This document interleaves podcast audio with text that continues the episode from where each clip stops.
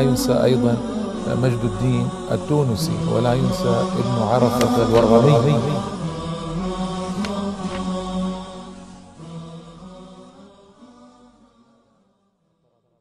بسم الله الرحمن الرحيم. الحمد لله رب العالمين والصلاة والسلام على سيدنا محمد النبي الأمي الأمين وآله وصحبه أجمعين. أما بعد أيها الإخوة والأخوات السلام عليكم ورحمة الله تعالى وبركاته. وأهلا وسهلا ومرحبا بكم في هذه الحلقة الثالثة والعشرين من هذا البرنامج الذي يتحدث فيه في أحوال وشؤون شخصيات تونسية. كان لها أثر عظيم وعمل جليل وتصلح أن تكون قدوة للعالمين.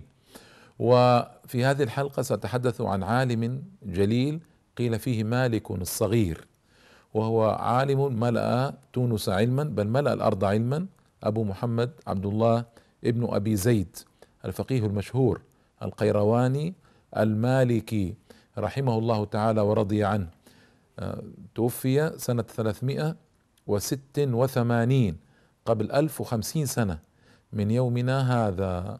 سنة 386 عن 76 سنة رحمه الله تعالى.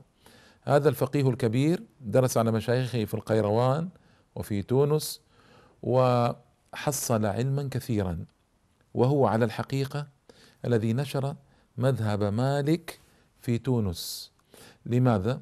لأنه كثير التآليف كثير التلاميذ إذا كان العالم كثير التآليف كثير الكتب يعني كثير التلاميذ تنقل عنه هذه الكتب وهؤلاء التلاميذ ينتشرون في الأرض وينقلون علمه وهذه الكتب فوق ثلاثين كتابا كان له في العقيدة والفقه والأخلاق وكذا ولكنه اشتهر بكتاب خاص اسمه الرسالة الرسالة.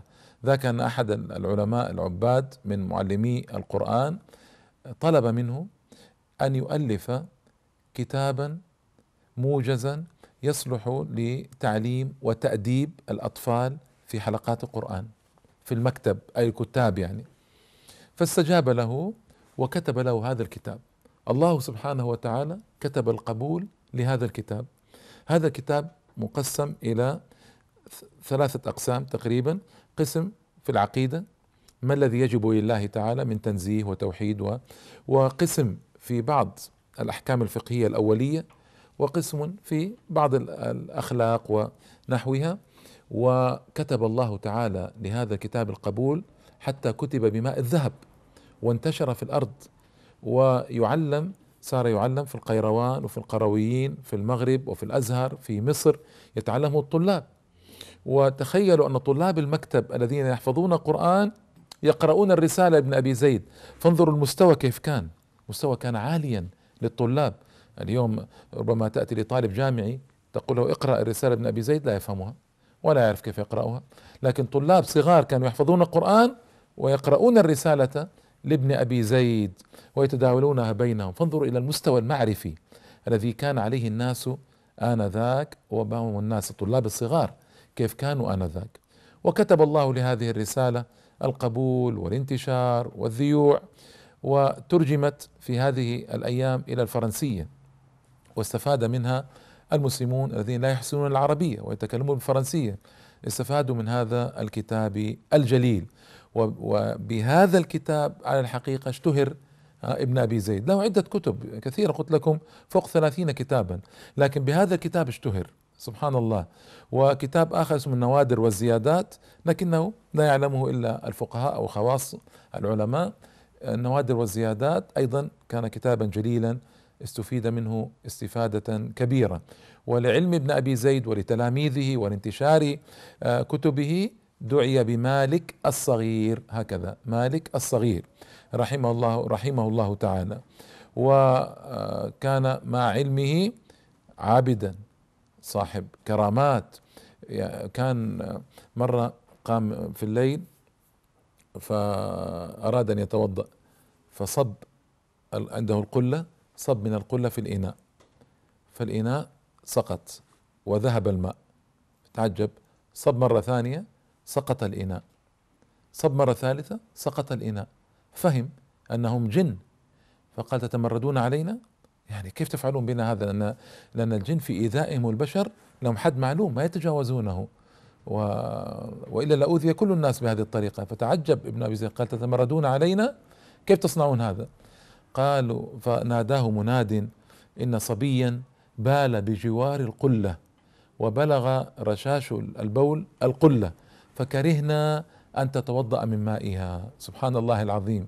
هذا الجني الجن هؤلاء عباد وكرهوا أن يتوضأ ابن أبي زيد من هذا الماء لأن القلة أصابها البول فخشوا أن يكون دخل البول في وسط القلة في الماء فيكون توضأ بماء نجس.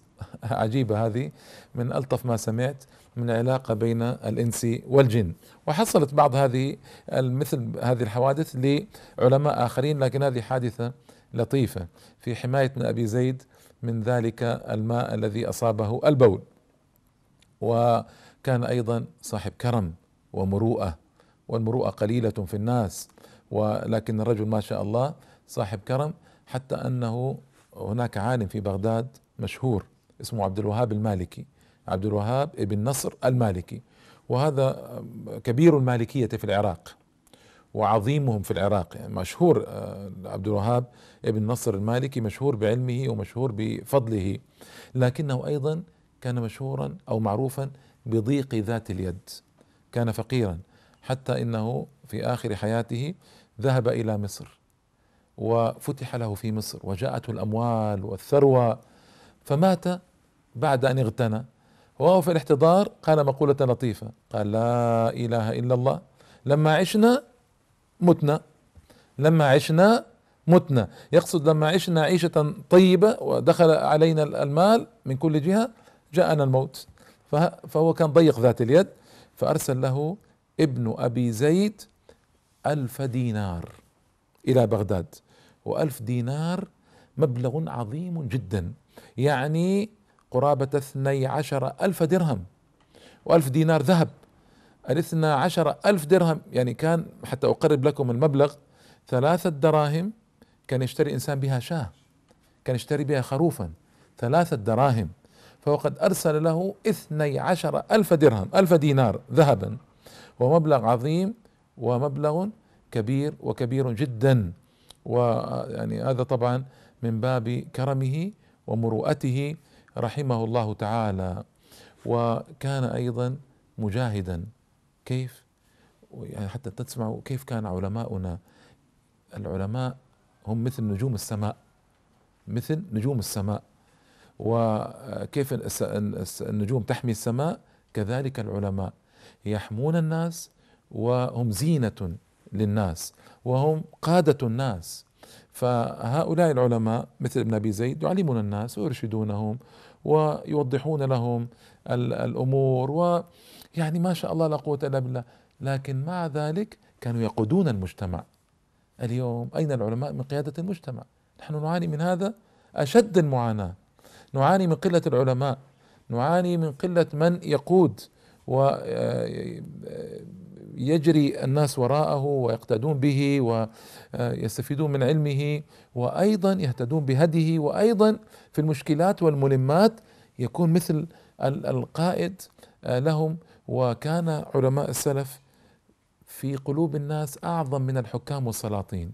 أعظم من الحكام والسلاطين. هذا ابن أبي زيد جاهد بني عبيد.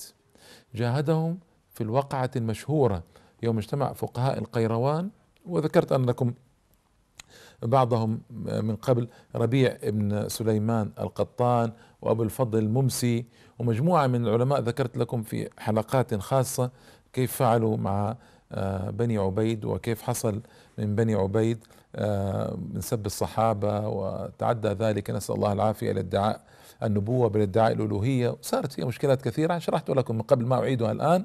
لكن ابن أبي زيد وجد أن واجبه أن يجاهد من العلماء. كم كان عمره آنذاك؟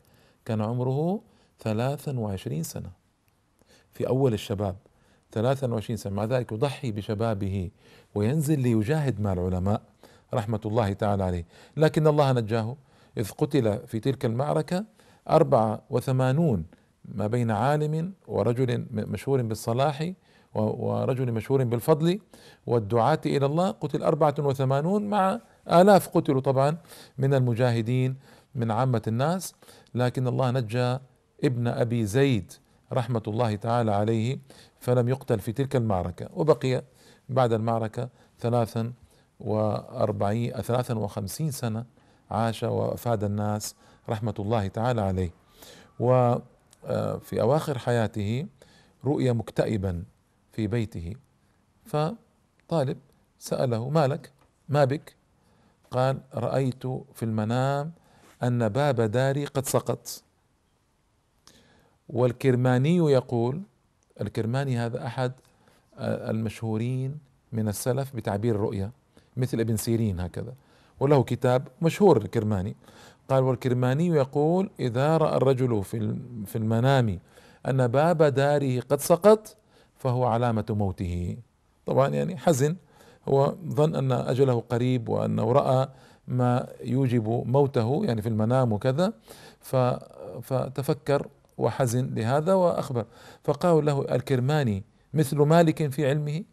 يعني هل علم الكرماني بالرؤى مثل علم مالك بالفقه؟ قال نعم الكرماني مالك في علمه أو مثل مالك في علمه.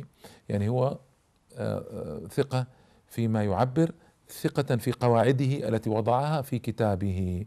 وإذا رأيت الباب قد سقط باب داري قد سقط معنى قرب أجلي. وفعلا لم يمكث إلا قليلا رحمة الله تعالى عليه إلا وتوفي بعد هذه الرؤيا بقليل. رحمه الله تعالى.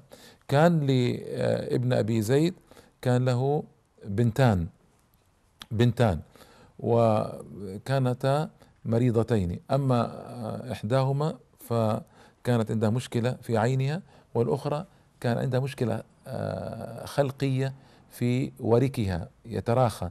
ما تستطيع أن تقوم ما تستطيع أن تجلس ما تستطيع أن تمشي البنت. فهذه البنت آه، ذهب بها إلى رجل عالم هو ابن أبي زيد بنفسه إلى رجل عالم عابد زاهد اسمه أبو الفضل السبائي. سنتعرض لترجمته إن شاء الله. فقال له لما لم تذهب بها إلى الطبيب؟ ابن أعين كان مشهور طبيب اسمه أعين ابن أعين وأخذه معه العبيديون لما ذهبوا إلى القاهرة في إقامة دولتهم في القاهرة كما سبق أن ذكرت. فقال إني كرهت أن يراها إني كرهت أن يراها انظروا لحرص السلف. يكره أن الطبيب يرى وجه ابنته. فكانوا في ستر تام وتصون رحمهم الله تعالى. قال هاتها أرقها لك. ثم قال لا لا لا وهذا من عجائب. قال ابقيها في مكانها وأنا أرقيها من ها هنا. وسار هذا أبو الفضل السبائي يدعو لها ويرقيها من مكانه من بيته. ويا العجب وزال ما في عين البنت من الرمد. بقراءة أبي الفضل السبائي وهو عالم كبير بقراءته آه، ورقي آه، والرقية التي رقاها للبنت من بيته. سبحان الله العظيم. وابن أبي زيد عالم عالم تونس الكبير وعالم المالكية ورأس المالكية. مع ذلك يذهب إلى رجل عابد مشهور باستجابة الدعاء ليدعو له في أن يخلص الله له آه، ابنته ويشفيها من مرضها. أيضا البنت الأخرى هذه التي وركها مثل يعني عندها عيب خلقي آه، في خلقي في وركها. الورك يعني التقاء مكان التقاء الفخذ بالجسد العلوي. فأرسل بها مع امرأة إلى أبي الفضل السبائي. فعلا قرأ عليها أبي الفضل السبائي رجعت البنت تمشي. لا إله إلا الله. أنا أتعجب من آه، دعاء السلف واستجابة الله تعالى لدعائهم. وما ذاك أيها الإخوة والأخوات إلا لصفاء نفوسهم وكثرة عبادتهم وتقربهم إلى الله تبارك وتعالى. بنتان لابن أبي زيد ينجيهم الله تعالى واحدة من العمى والأخرى من الشلل ينجيهم الله تعالى بدعاء رجل صالح. وهذا يدلنا على مدلول حديث رسول الله صلى الله عليه وآله وسلم يا سعد أطب مطعمك تكن مستجاب الدعوة.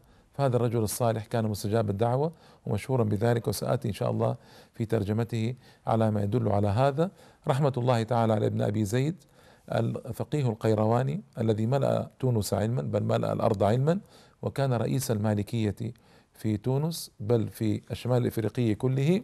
وكان عابدا زاهدا صاحب كرامات وله كتب شهيرة انتشرت في الأرض رحمه الله تعالى ونفعنا بعلمه. آمين.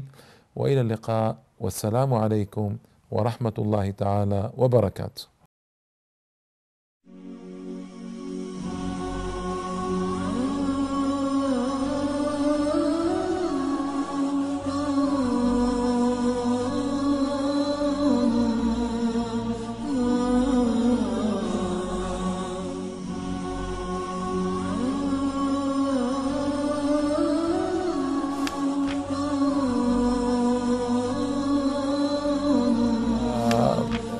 لا ينسى أيضا مجد الدين التونسي ولا ينسى ابن عرفة الورغمي